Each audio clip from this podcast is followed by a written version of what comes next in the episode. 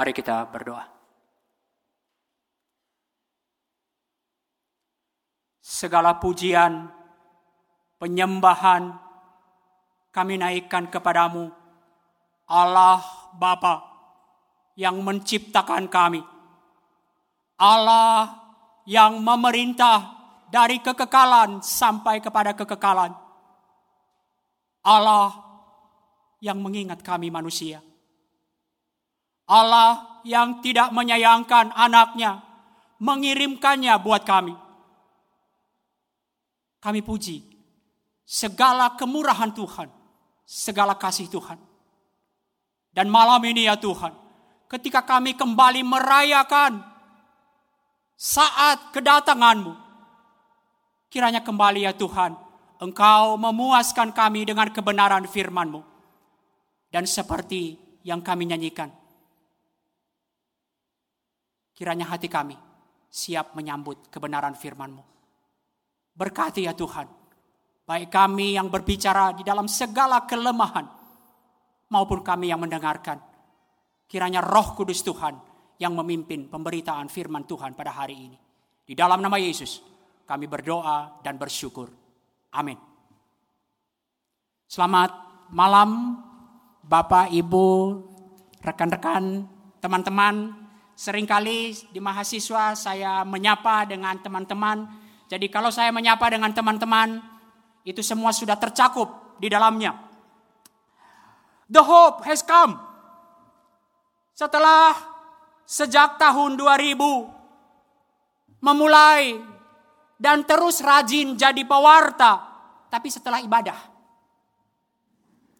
Maksudnya pengumuman. Bersyukur kepada Tuhan. Setelah 17 tahun, Tuhan memberikan kesempatan kepada hambanya yang lemah ini. Jadi pewarta, bergeser dari setelah ibadah masuk ke dalam ibadah. Dan kalau beberapa waktu yang lalu, setiap kali kita mendengar Pak Peter Yakob selalu diwarnai dengan hatinya yang sedang kasihnya kepada Manado, Sulawesi Utara, Indonesia Timur. Maka maafkan saya kalau malam ini pun pada nungan firman Tuhan akan mewarnai apa yang saya lakukan setahun terakhir? Kuliah saya dan tanpa disadari itu akan berulang kali saya sebut dari kuliah saya, dari kuliah saya. Teman-teman, betapa pentingnya mempunyai pengharapan. Contoh paling nyata, mengapa orang yang sudah sakit parah tetap berjuang menjalani pengobatan seberat apa pun karena adanya pengharapan untuk sembuh. Dan sebaliknya, kenapa ada orang sampai bunuh diri? Karena dia merasa tidak ada harapan. Seperti yang tadi alumni sampaikan. Agak berbeda ya. Siswa dengan keceriaannya, saya mau mengisi muda saya, masa muda saya. Demikian juga dengan alumni, eh, dengan mahasiswa. Tapi alumni masuk yang makan asam garam banyak dengan kepala tertunduk. Dan kiranya saya masih menunjukkan keceriaan itu malam ini. Dari kuliah psikologi umum, nah saya mulai.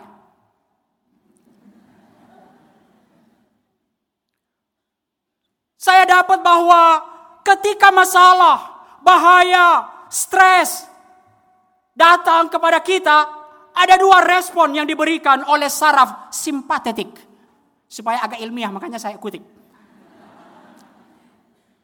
Yang pertama adalah fight response. Apakah itu positif, fight atau fight negatif, flight. Atau yang kedua adalah freeze response. Apa yang membedakannya? Hope. Fight ketika dia merasa ada hope, ada kesempatan untuk menang. Tapi freeze ketika merasa tidak ada harapan. Contoh kecil kalau ada kita di tiba-tiba ada depan kita anjing. Apa reaksi kita?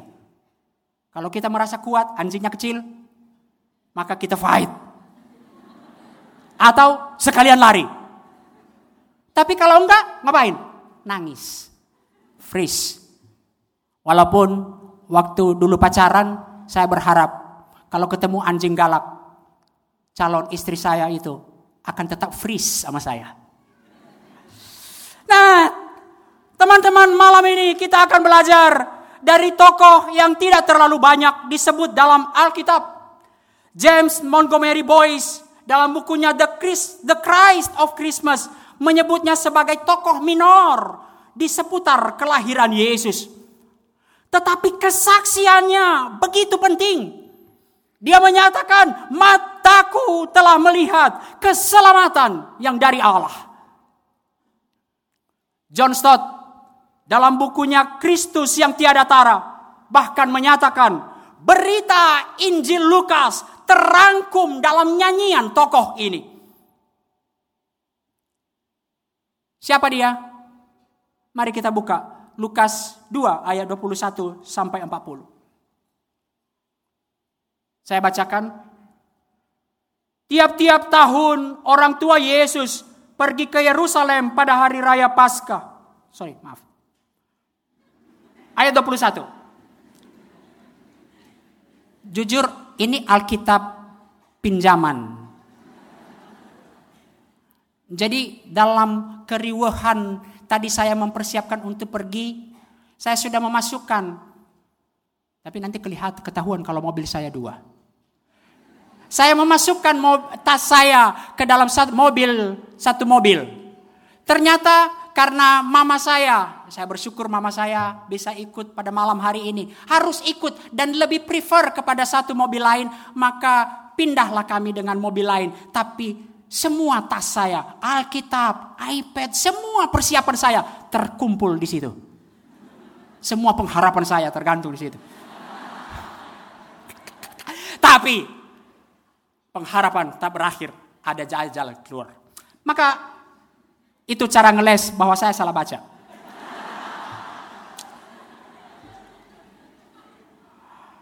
Mari saya baca. Dan ketika genap delapan hari dan ia harus disunatkan, ia diberi nama Yesus, yaitu nama yang disebut oleh malaikat sebelum ia dikandung ibunya. Dan ketika genap waktu pentahiran menurut hukum Taurat Musa, mereka membawa dia ke Yerusalem untuk menyerahkannya kepada Tuhan.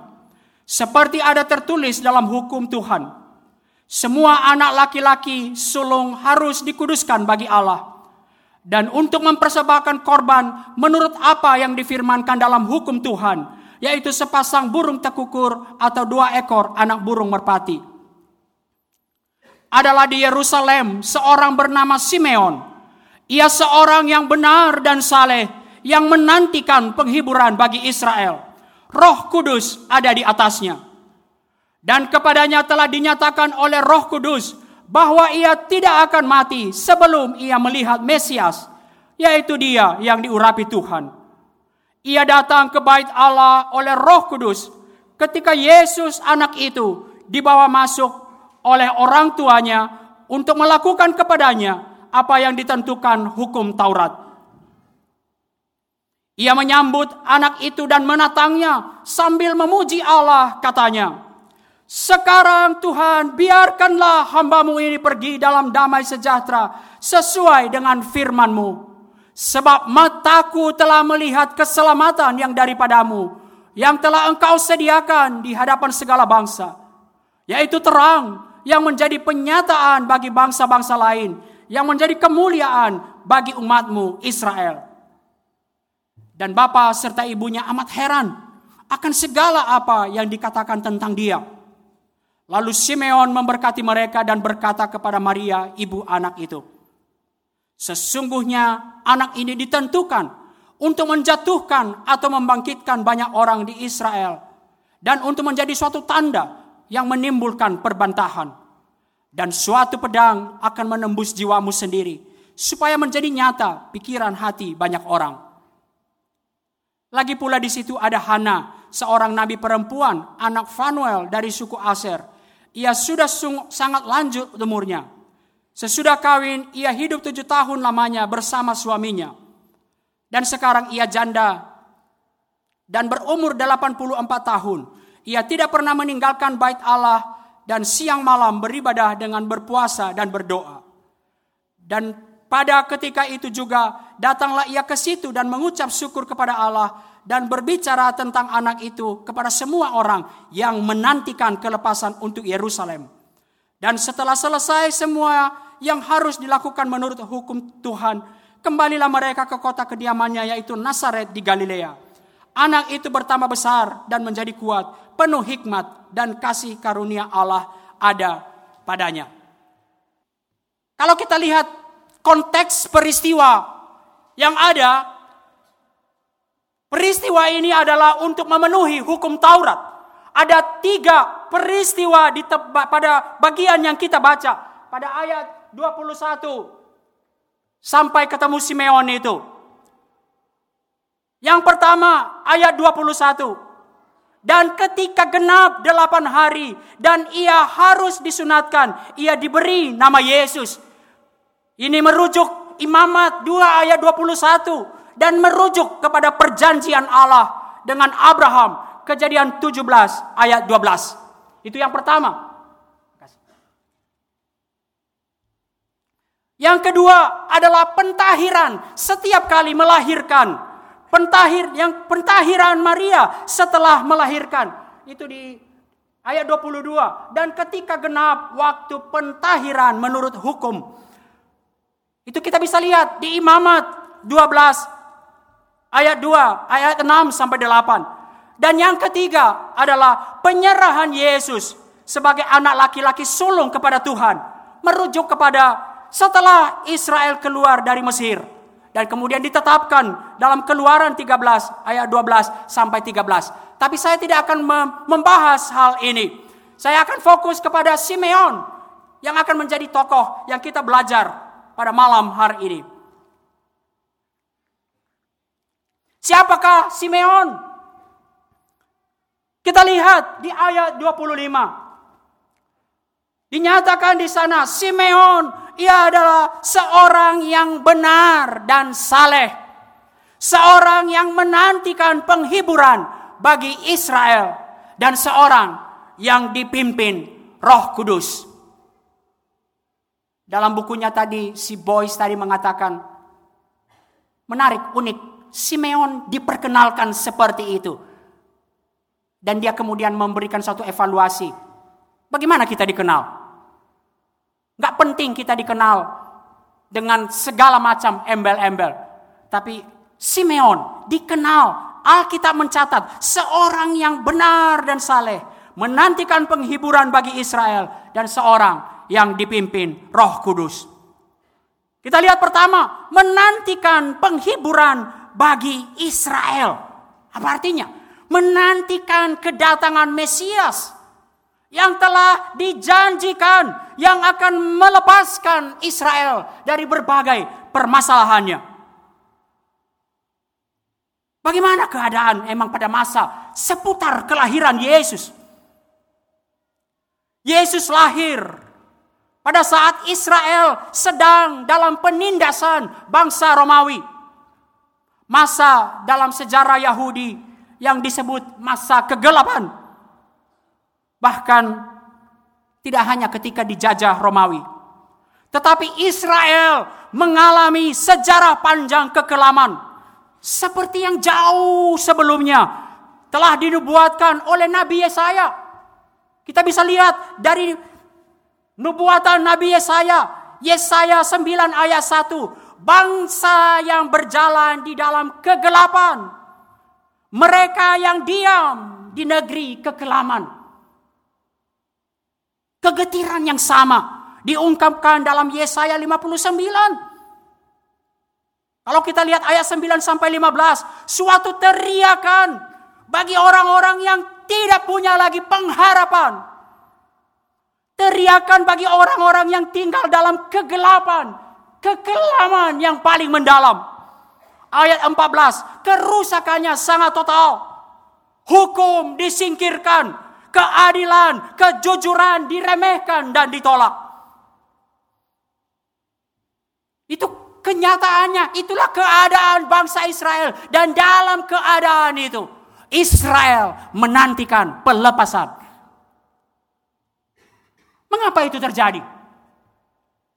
Dari beberapa pasal dalam kitab Yesaya yang kita nggak akan baca pada malam hari ini.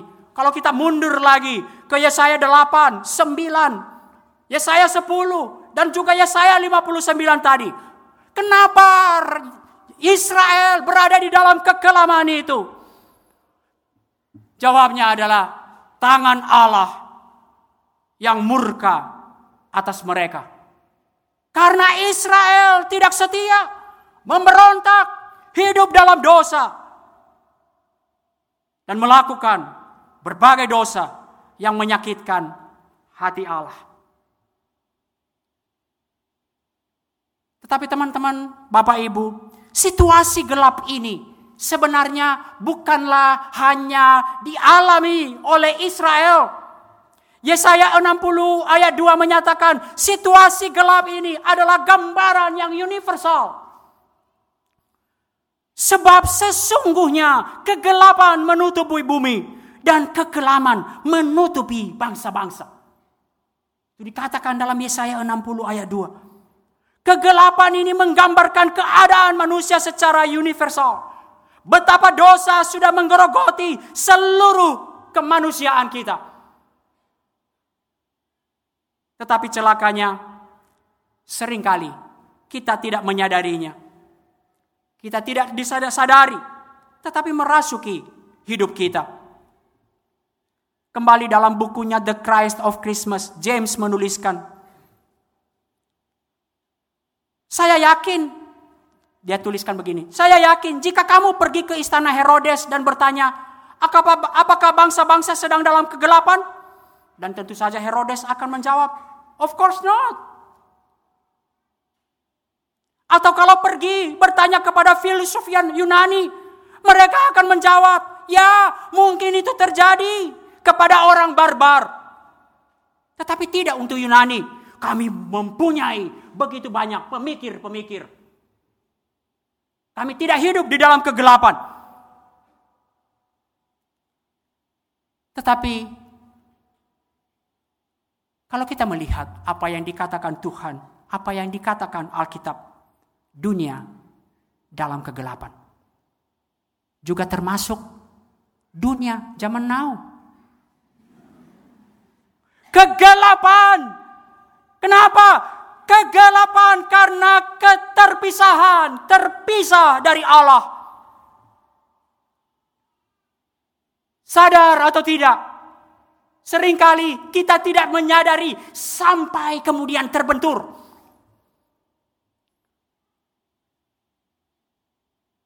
Beberapa waktu yang lalu, saya mendengar kutipan dari Amang Segala. Baru pertama kali saya manggil Amang Segala. The heart of the problem is the problem of the heart. Masalah manusia, masalahku, masalahmu, masalah bangsa, masalah republik adalah dosa. Terpisah dari Allah. Sekalipun pada awalnya kita tidak merasakannya.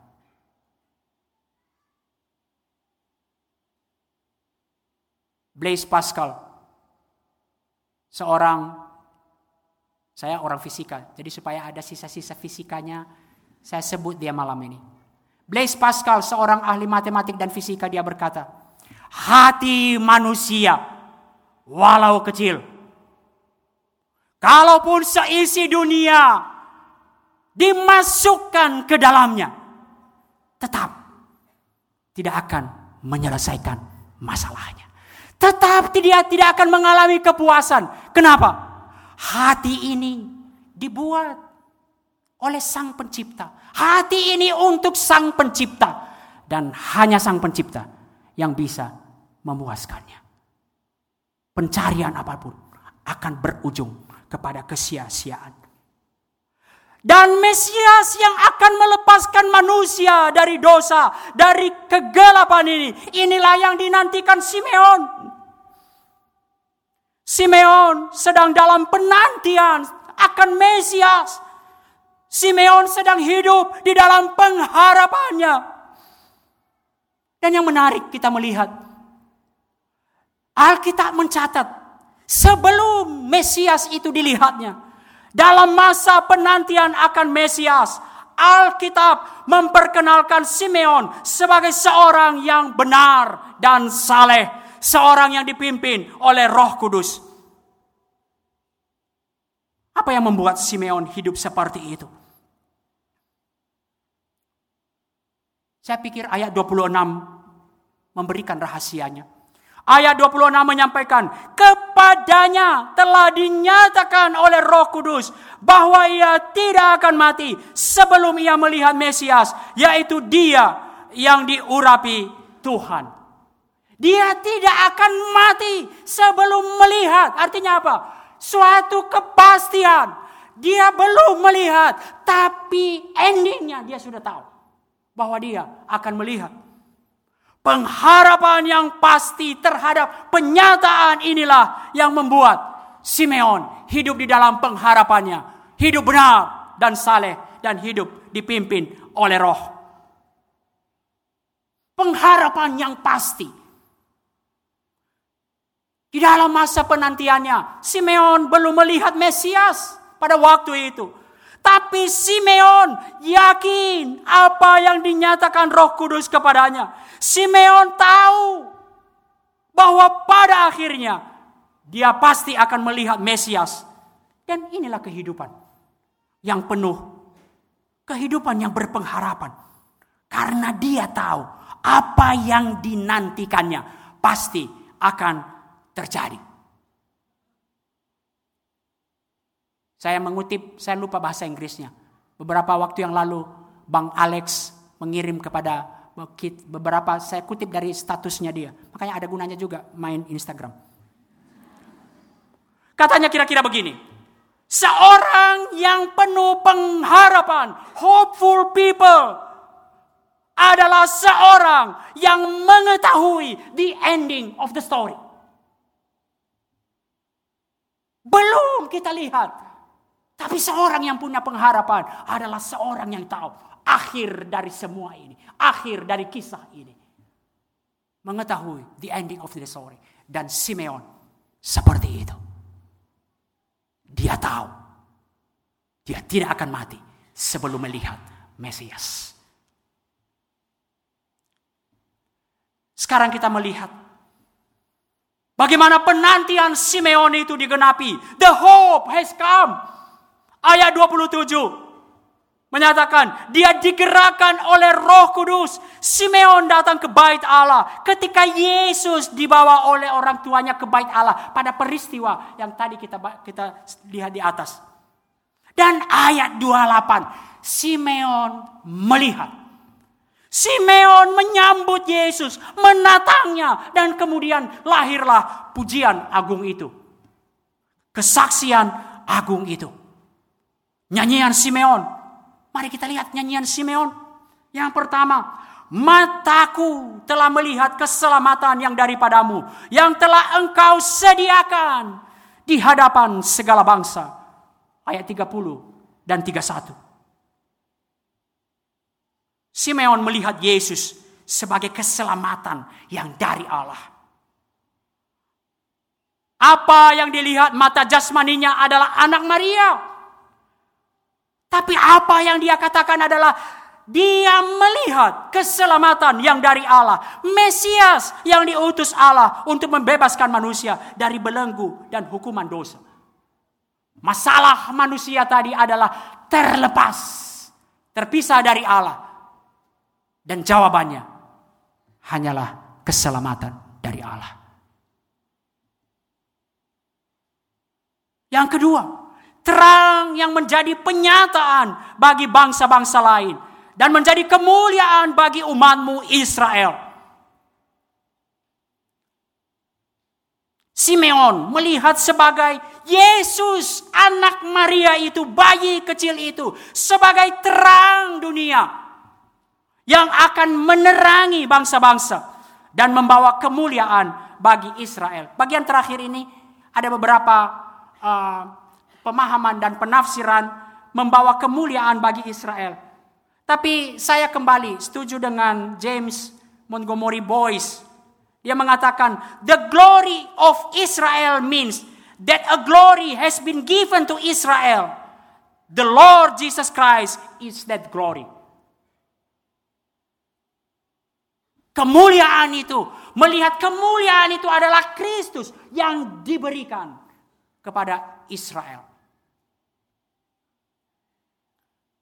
Teman-teman, menarik bahwa Simeon, kalau tadi saya katakan masalah kegelapan, Yesaya menyatakan tidak hanya masalah Israel, tapi masalah universal.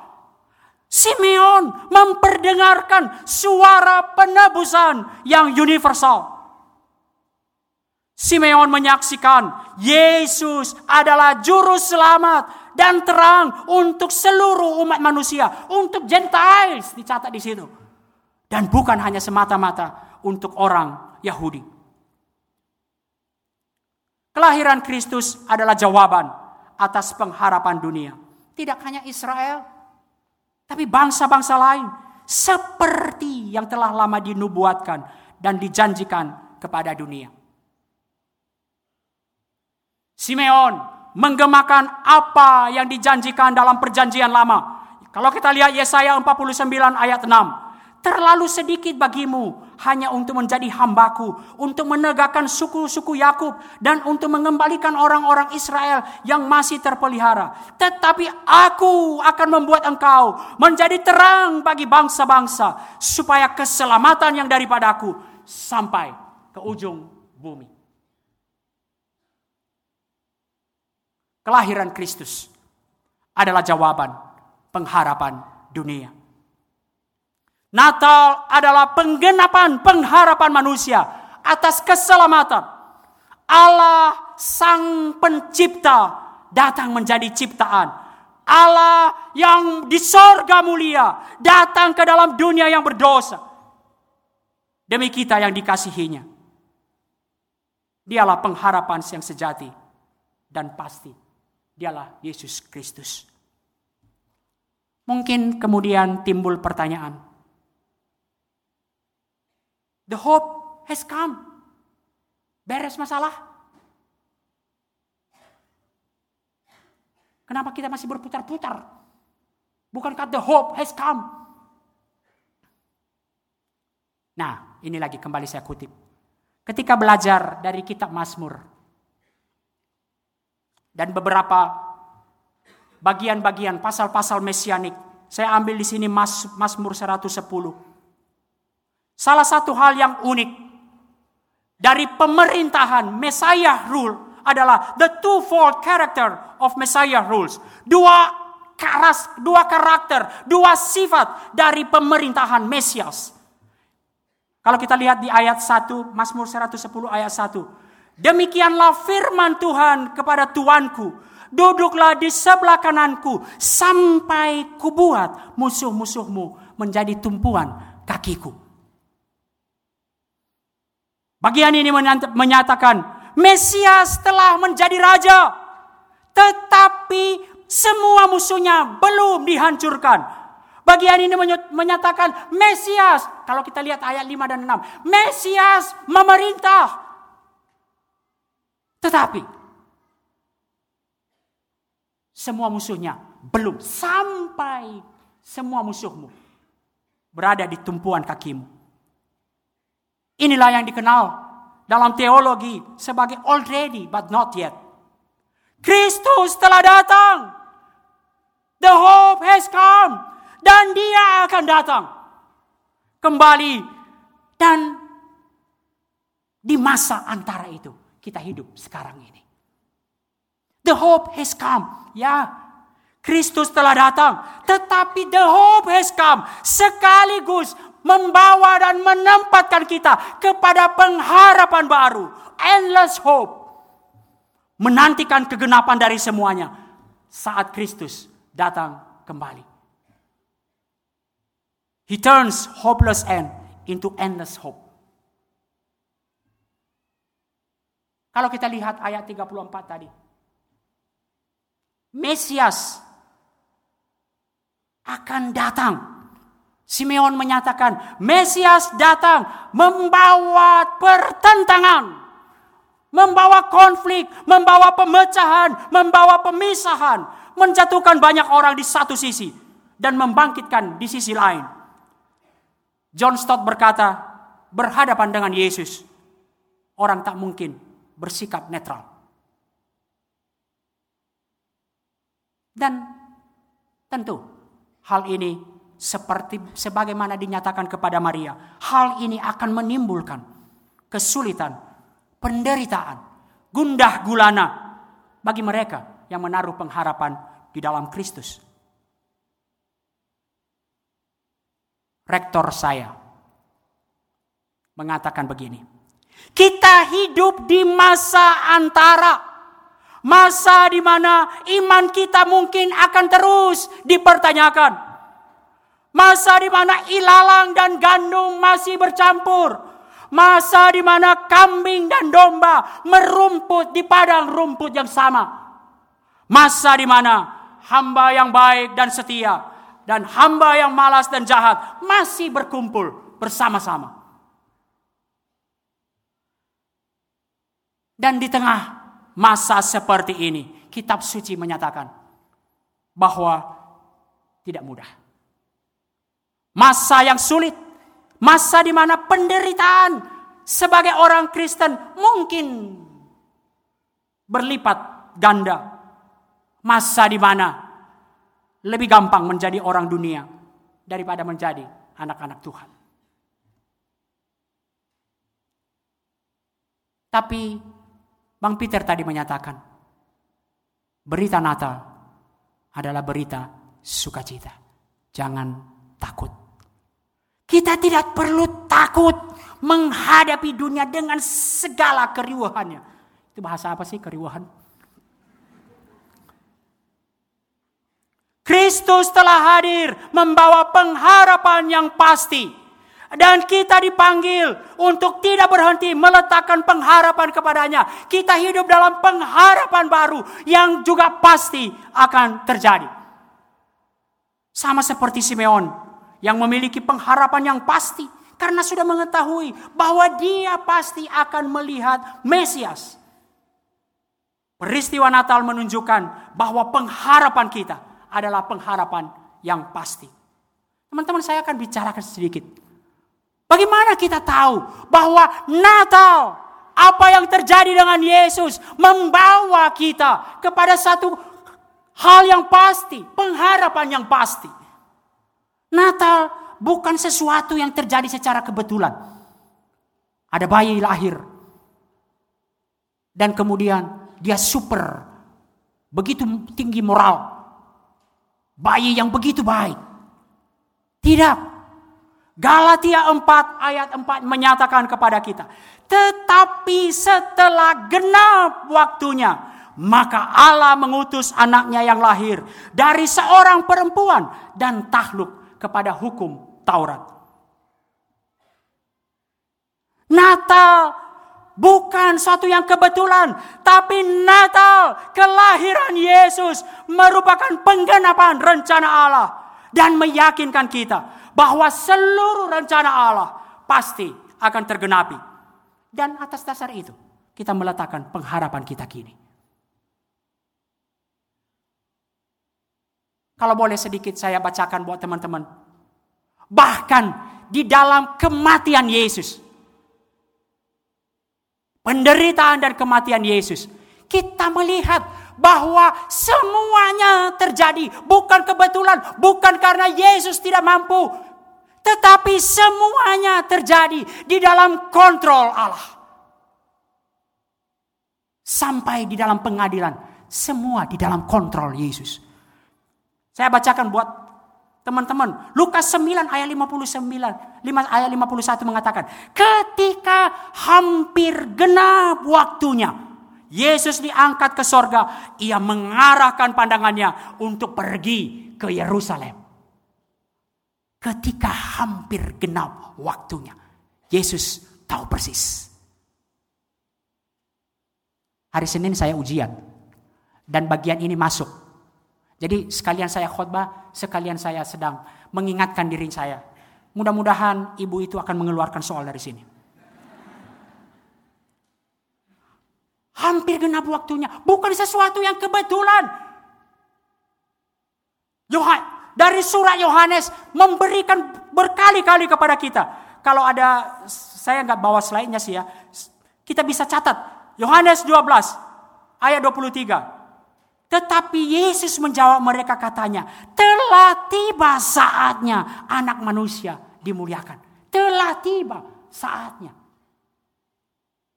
Ketika dia mau merayakan Paskah menuju Yerusalem, ayat 13. Sementara itu sebelum hari raya Paskah mulai, Yesus telah tahu bahwa saatnya sudah tiba untuk beralih dari dunia ini kepada Bapa. Yesus sudah tahu. Ayat tiganya, Yesus tahu bahwa Bapaknya telah menyerahkan segala sesuatu kepadanya dan bahwa ia datang dari Allah dan kembali kepada Allah. Yohanes 18 ayat 4. Maka Yesus yang tahu semua yang akan menimpa dirinya maju ke depan dan berkata kepada mereka, "Siapa yang kamu cari?" Itu peristiwa ketika penangkapan Yesus. Yesus tahu semua peristiwa itu memastikan semua terjadi dalam kontrol dan rencana Allah, penggenapan rencana Allah. Dan itu memastikan bahwa semua rencana Allah sampai pada akhirnya kelak adalah sesuatu yang pasti. Ayat-ayat di atas menunjukkan peristiwa Natal, bahkan peristiwa penderitaan kematian Yesus, semuanya terjadi dalam kontrol Allah. Allah, the most holy one, is now ruling. Dan terus. God reigns. Ini memastikan bahwa semua janji Allah sampai janji kedatangannya yang kedua. Janji kedatangannya kembali akan tergenapi di dalam kepastian. Dan di dalam itu kita meletakkan pengharapan kita saat ini. Mungkin ini terakhir saya mengutip dosen saya. Dia mengatakan begini. Dosa telah merusak segala yang baik yang telah Allah ciptakan. Kecuali satu. Dosa tidak bisa merusak rencana Allah. Saya ulangi. Dosa telah merusak segala yang baik yang telah Allah ciptakan Kecuali satu, dosa tidak merusak, tidak bisa merusak rencana Allah. Dan dalam rencana Allah ini kita menghidupi pengharapan kita saat ini. Pengharapan inilah yang terus-menerus disampaikan Rasul Petrus kepada jemaat yang sedang di dalam penganiayaan, Demikian juga Rasul Paulus ketika menguatkan jemaat yang sedang dalam penderitaan.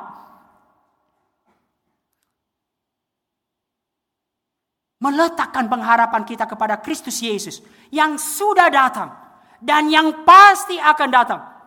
Di mana semua penderitaan dan pergumulan dunia tidak akan ada lagi. Kelak ketika Kristus memerintah di dalam kerajaan Allah.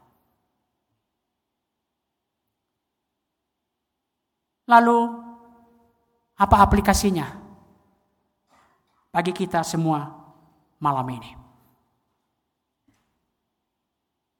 Pertama, mari kita meneguhkan iman kita bahwa pengharapan sejati hanya ada di dalam Kristus. Efesus 2 ayat 12 mengatakan, tanpa Kristus adalah sebuah kehidupan tanpa pengharapan dan tanpa Allah di dalam dunia. Teman-teman, Tadi adik-adikku siswa yang mau mengisi hari-harinya. Tidak peduli. Semenantang apa pun pencapaian-pencapaian kita. Tidak peduli. Sehebat apa pun. Tanpa Kristus. Sia-sia.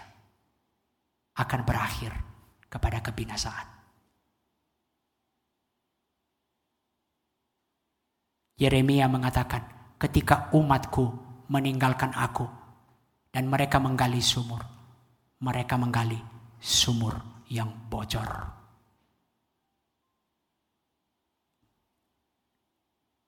Itu yang pertama. Saya nggak tahu. Kita malam ini apa hal-hal permasalahan kita dan di mana kita menggantungkan pengharapan kita. Atau mungkin yang paling dasar. Walaupun panitia tidak memberikannya kepada saya. Mungkinkah masih ada kita yang ragu bahwa Kristus adalah pengharapan sejati. Kita teguhkan malam ini pengharapan kita. Hanya di dalam Kristus ada pengharapan sejati. Yang kedua, hidup di dalam pengharapan. pengharapan yang memimpin kita kepada ketaatan kepada Allah. Belajar dari Simeon, sementara dalam masa penantian, dia hidup benar dan saleh, dipimpin oleh Roh Kudus karena dia memiliki pengharapan yang sejati, pengharapan yang pasti. John Stott dalam bukunya Kristus yang tiada tara mengatakan, The hope has come. Yesus telah datang. Dan Yesus yang telah datang itu harusnya Yesus yang berpengaruh.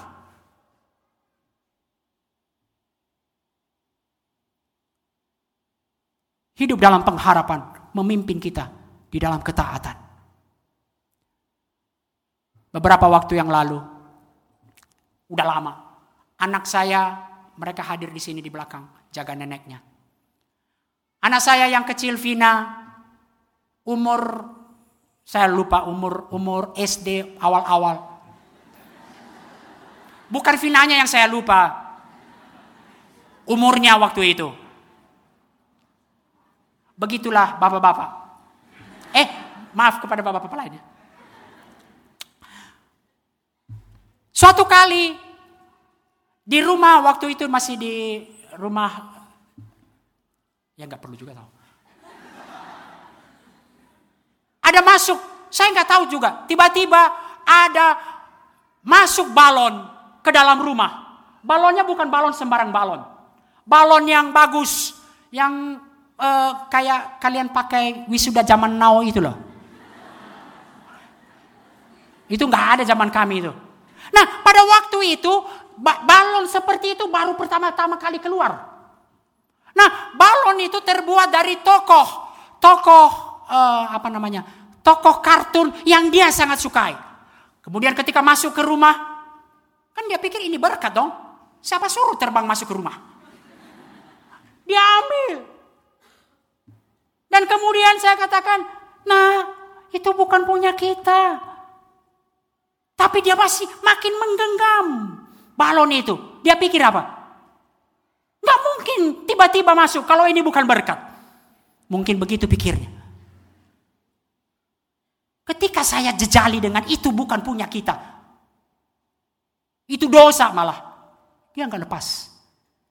Tapi ketika kemudian saya berkata, nah nanti papa akan memberikan balon yang lebih baik daripada balon ini.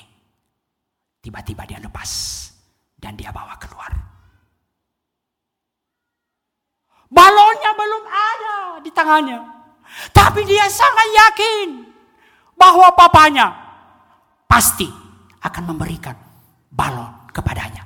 Dan ia itu membawa ketaatan kepada dia. Dia lepas balonnya. Dia peluk saya. Dan dia katakan, saya suka balon itu, tapi saya sangat sayang papa. Kok nggak ada oh sweet. saya nantikan loh itu.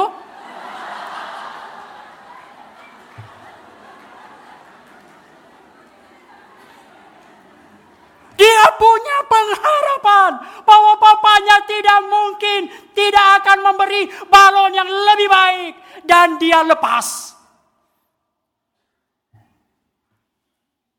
Pengharapan itu harus membawa ketaatan. Dan saya akan membawakan beberapa aplikasi. Yang pertama, ketaatan meninggalkan dosa dan hidup bagi Allah. Loh, kok mendasar sekali? Emang mendasar. Kristus datang untuk apa?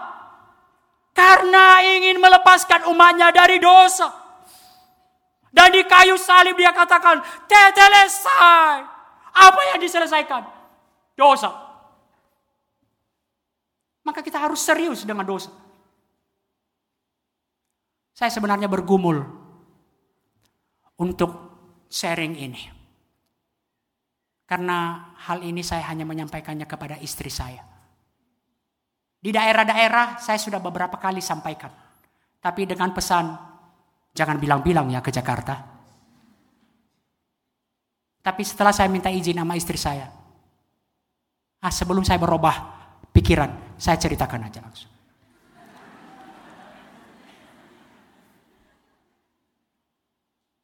20-an tahun lalu lebih. Ketika saya masih di SMA. Saya hidup di asrama putra. Eh teman-temanku di kampus jangan bawa ini ke kampus ya. Di konseling pribadi saya. Hidup di asrama putra. Dan di sana saya nggak akan ceritakan detailnya. Tapi singkat cerita, saya hidup walaupun tidak melakukan sampai yang terburuk. Tapi hidup dalam penyimpangan seksual kepada teman-teman asrama.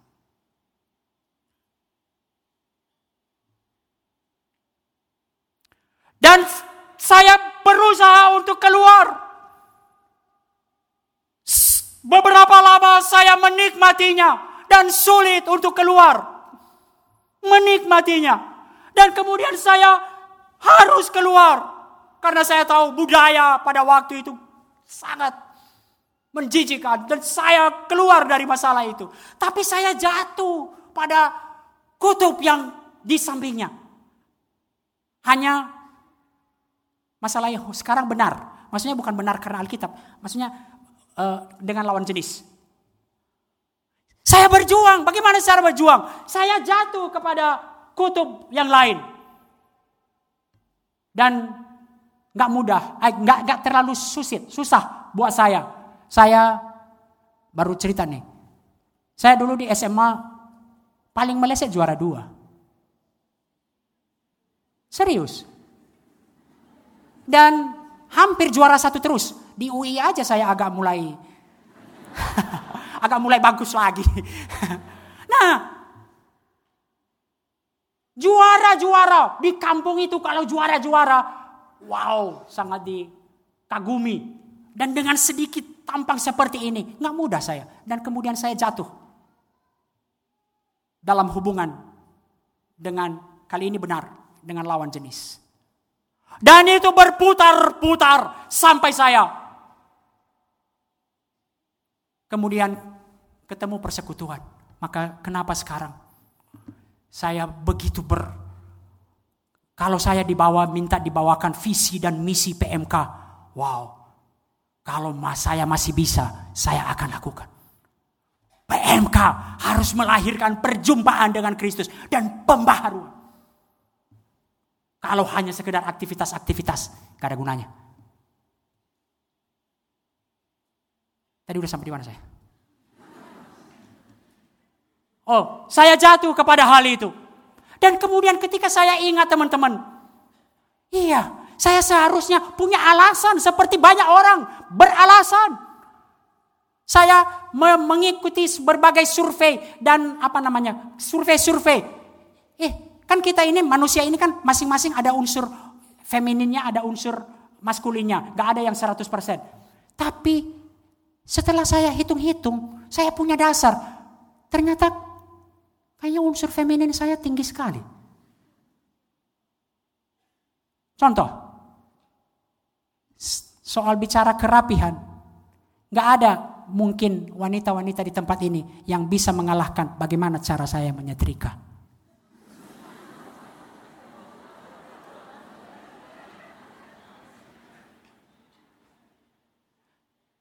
Kenapa saya menghindar untuk ditelepon dan selalu udah kalau SMS saja. Kenapa? Kalau orang menelpon saya, ini pertama kali, Bu bisa bicara dengan Bu Niko? Enak aja lu Bu Niko.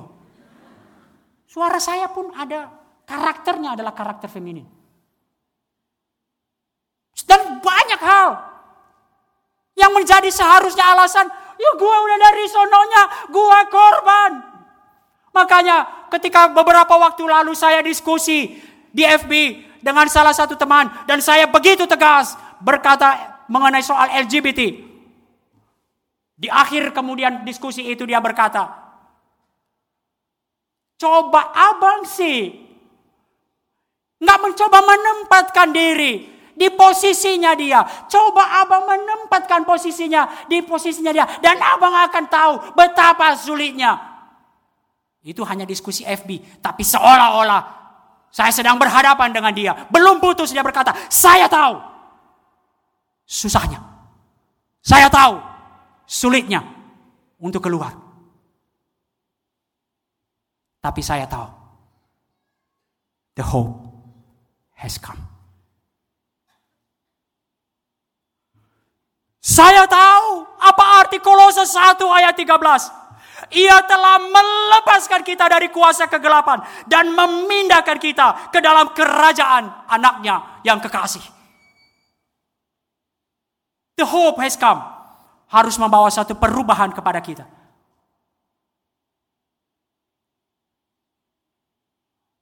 Pulang dari sini benci, meninggalkan dosa, dan mau hidup bagi Allah. Apa pun dosa itu. Gak harus yang serius-serius seperti saya.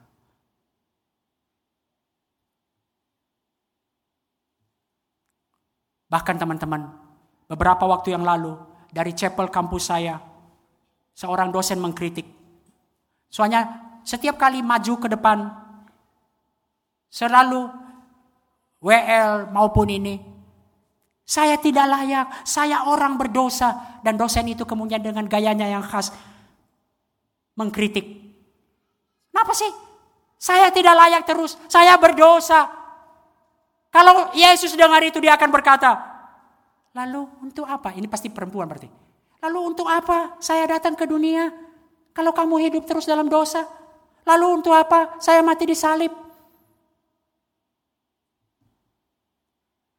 Jika Yesus itu adalah terang hidup kita,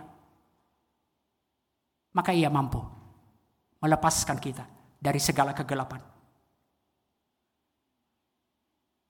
Pertanyaannya, jika Yesus itu adalah harapan dan terang kita, adakah hidup kita merefleksikan kemuliaan dan cara hidup kita? Yang pertama. Meninggalkan dosa dan hidup bagi Allah. Yang kedua, ketaatan dan ketekunan mengerjakan panggilan kita.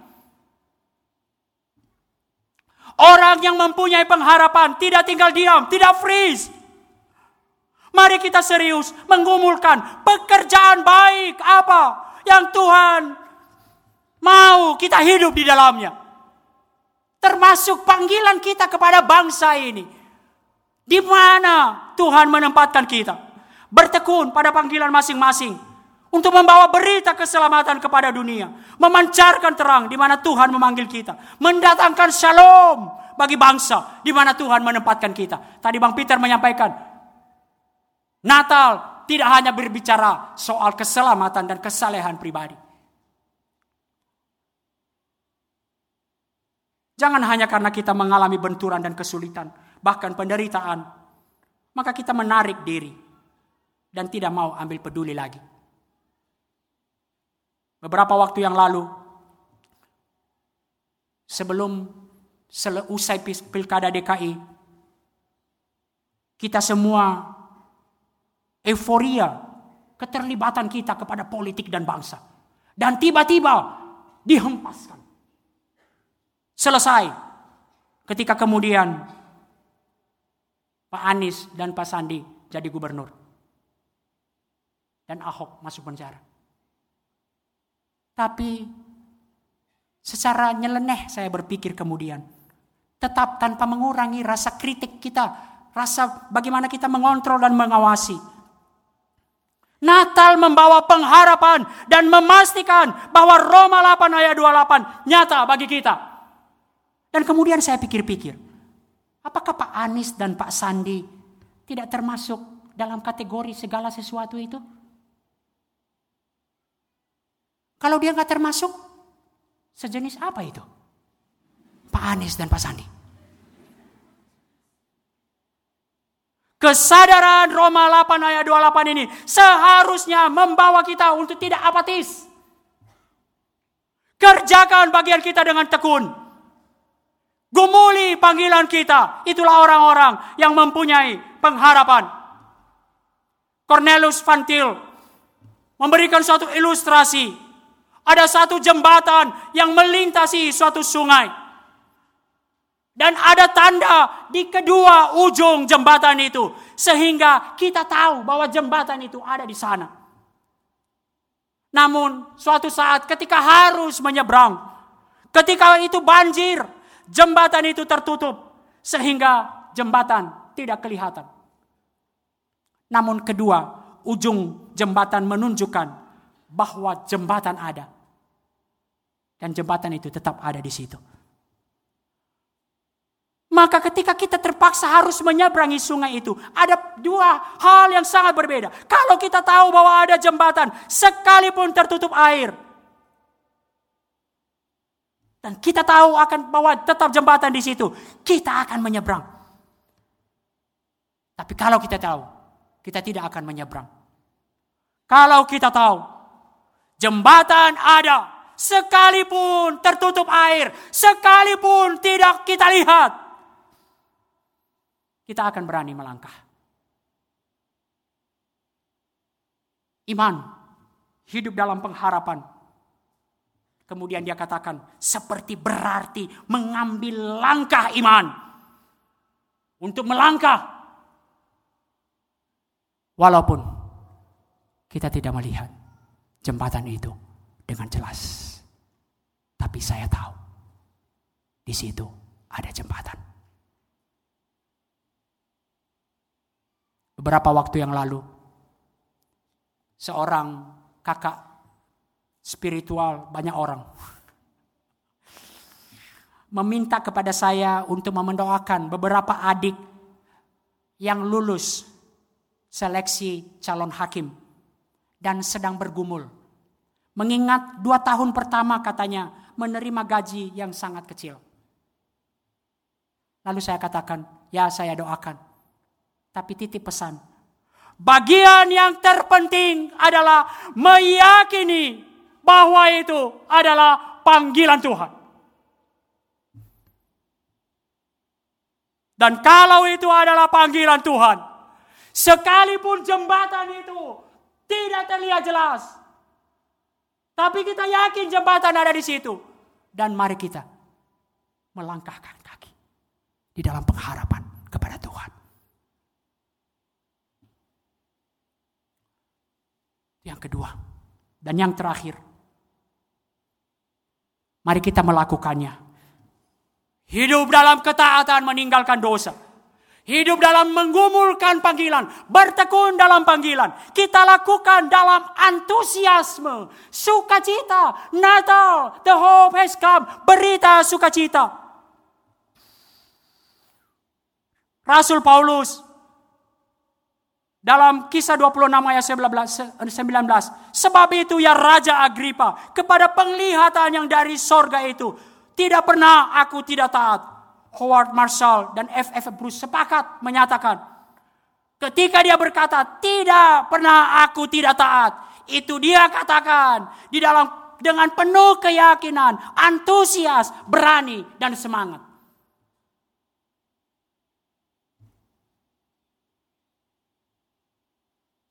Revo 500 baru berakhir. Saya tidak ikut. Tapi ada seorang kakak yang baik hati. Mengirim kepada saya rekaman. Dan dia kirim kepada saya rekaman dari Richard Pratt. Gitu nyebutnya ya. Dan dia saya tulis. Walaupun kelihatannya dunia ini jatuh berantakan. Kita memiliki sukacita.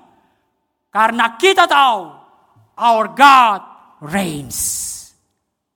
Allah kita memerintah. Dan itu yang menolong kita untuk berjuang menekuni panggilan kita dengan penuh sukacita. Penenungan pada malam hari ini akan saya tutup dengan satu kisah. 30 Juli 1967, seorang perempuan Amerika berusia 17 tahun, Johnny Erickson, yang kemudian menikah dengan Tada, mengalami kecelakaan yang menyebabkan dirinya lumpuh dari leher ke bawah dan hanya bisa menggerakkan kepalanya. Hebatnya di mana? Dia dipakai Tuhan secara luar biasa. Tapi awalnya dia merasakan gelombang seluruh emosi manusiawinya. Kepahitan, frustrasi, kekecewaan, amarah, bahkan depresi. Yang menjurus kepada keinginan bunuh diri. Dia juga mengalami buku tadi. Yesus Tiatara mencatatnya. Mengalami apa yang disebut ledakan-ledakan kemarahan yang memberontak kepada Allah. Tetapi ketika dia berjumpa dengan Yesus, dia mulai keluar, merangkak keluar dari lubang kegelapan terdalam. Dia mempercayai ada pengharapan Allah dalam menghadapi masa depannya dengan realistis. Dia dibantu dengan penglihatannya kepada Yesus di salib. Yang tidak bisa bergerak, tidak berdaya, lumpuh seperti dirinya. Namun yang paling menolong dirinya adalah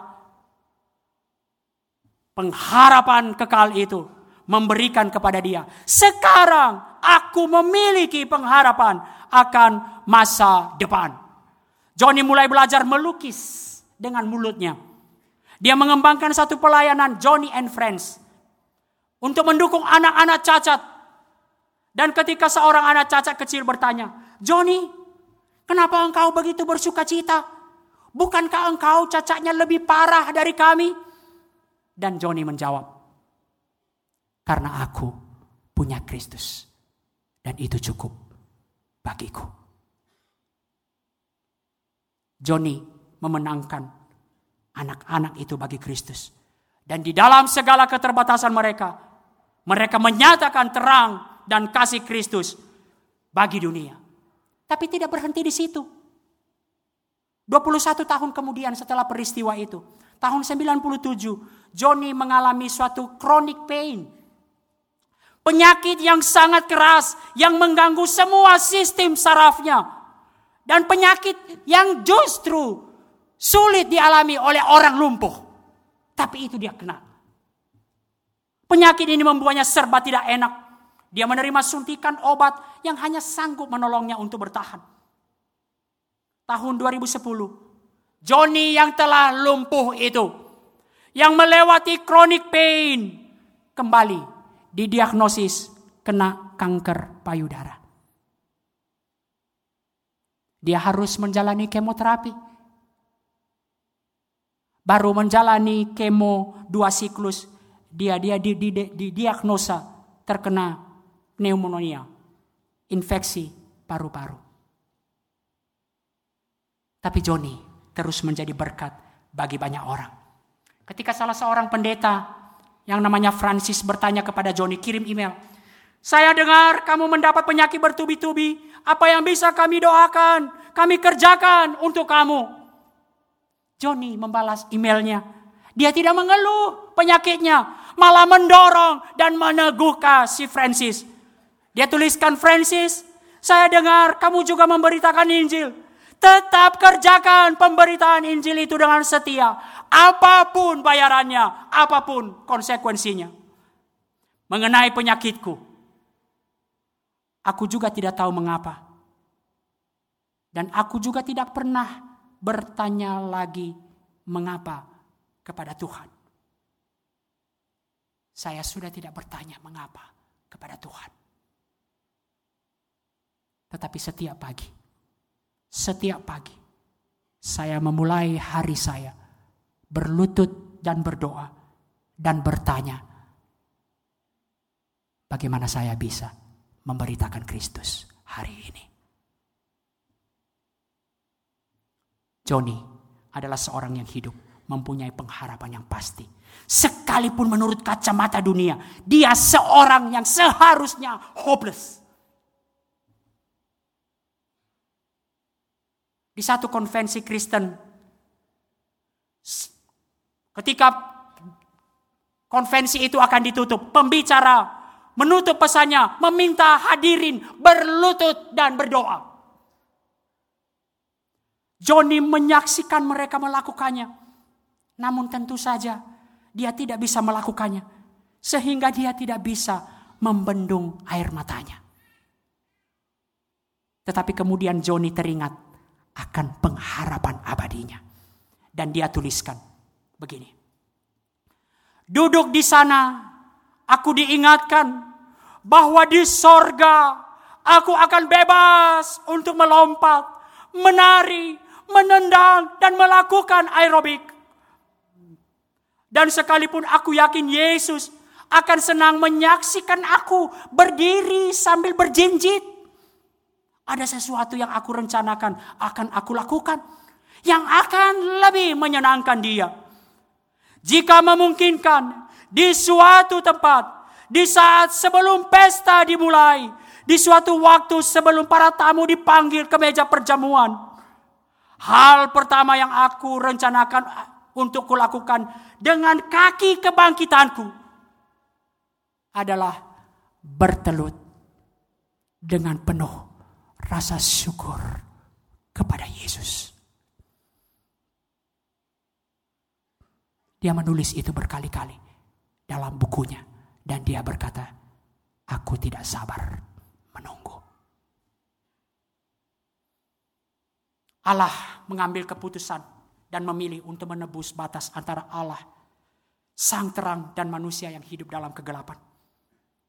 Ini keputusan cinta kasih. Keputusan yang dibuktikan melalui Natal. Teman-teman, berbagai interupsi akan terus menyertai kehidupan kita. Berbagai interupsi bahkan akan menyertai Natal kita. Tapi mari kita hidup penuh pengharapan. Natal meneguhkan suatu kepastian bahwa Allah berpihak kepada kita dan Allah masih memegang kendali. Mari kita baca, mari kita buka Ibrani 6 ayat 19 dan kita baca sebagai penutup. Mari kita baca bersama satu, dua, tiga.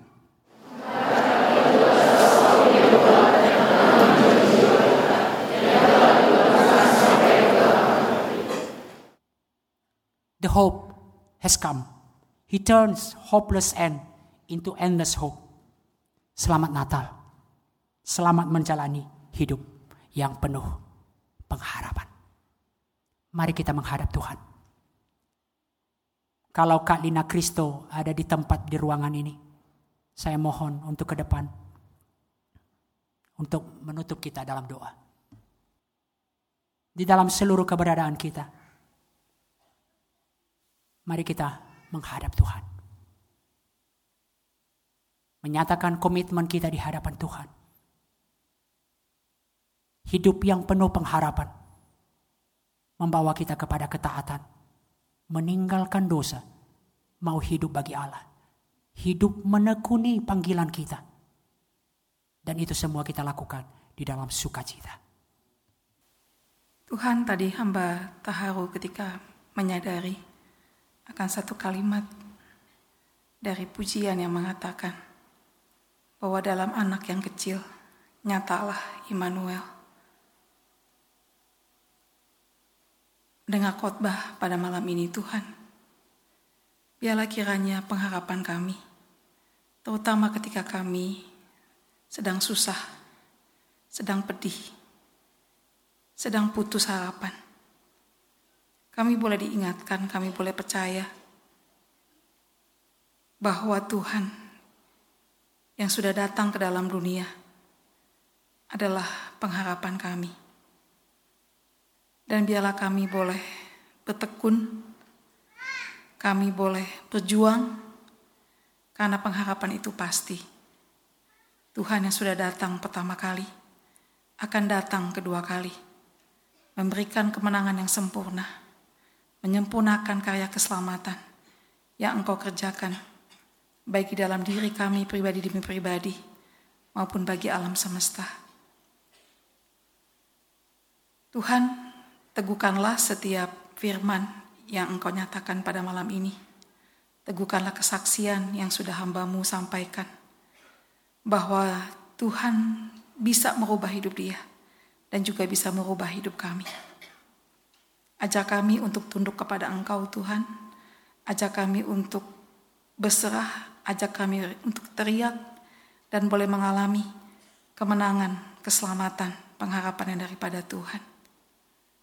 Dan berdoa ya Tuhan biarlah persekutuan siswa, persekutuan mahasiswa, perkantas ya Tuhan boleh menjadi persekutuan yang Tuhan yang menjadi pengharapan kami. Tuhan yang menjadi sumber dari pelayanan kami. Terima kasih Tuhan Yesus. Terima kasih untuk kasih-Mu yang tidak terbatas bagi kami. Dalam namamu kami berdoa. Amin.